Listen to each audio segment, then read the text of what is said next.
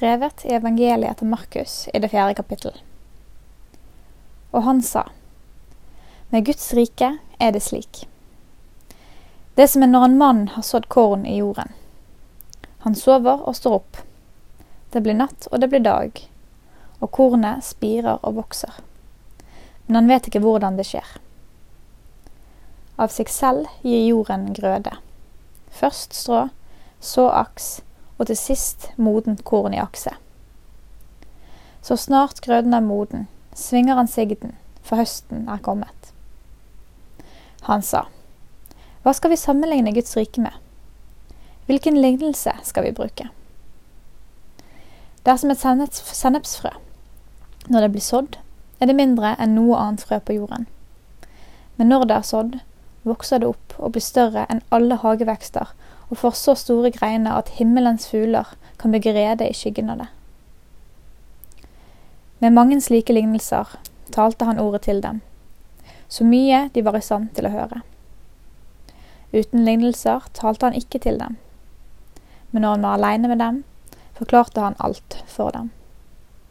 Slik lyder det hellige evangelium. Jeg er sikkert ikke alene om å kjenne på at tiden vi er inne i nå, er preget av venting.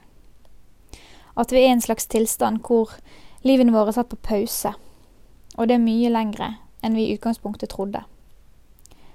Mye føles midlertidig, uvisst.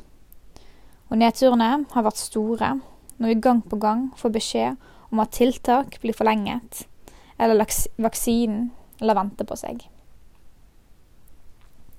Det er viktig å finne små lyspunkt og gleder i en tid som dette. For meg er det en stor glede at solen i dag går ned akkurat 1 time og 20 minutter seinere enn for bare en måned siden. Noe annet å glede seg over, som også er et tegn på lysere tider, er at hvis du vil ha grønnsaker eller fine blomster når sommeren kommer, så må du faktisk så frø i jorden nå. Og det er veldig passende, fordi denne søndagen kalles såmannssøndag og handler tilsynelatende utelukkende om frø og hvordan de vokser. Jesus kommer med to frølignelser i dagens tekst.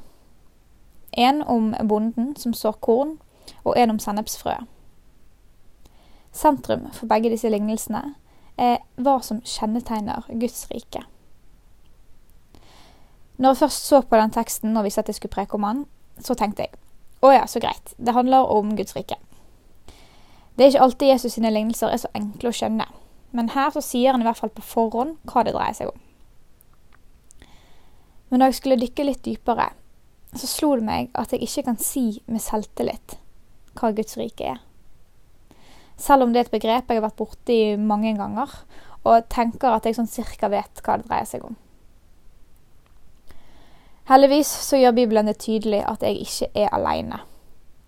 Da å fortelle om Guds rike er den nummer én tingen Jesus gjør. Med hjelp av alle slags bilder og metaforer som menneskene han talte til, skulle forstå hva han mente. Noe de i tillegg ofte ikke gjorde.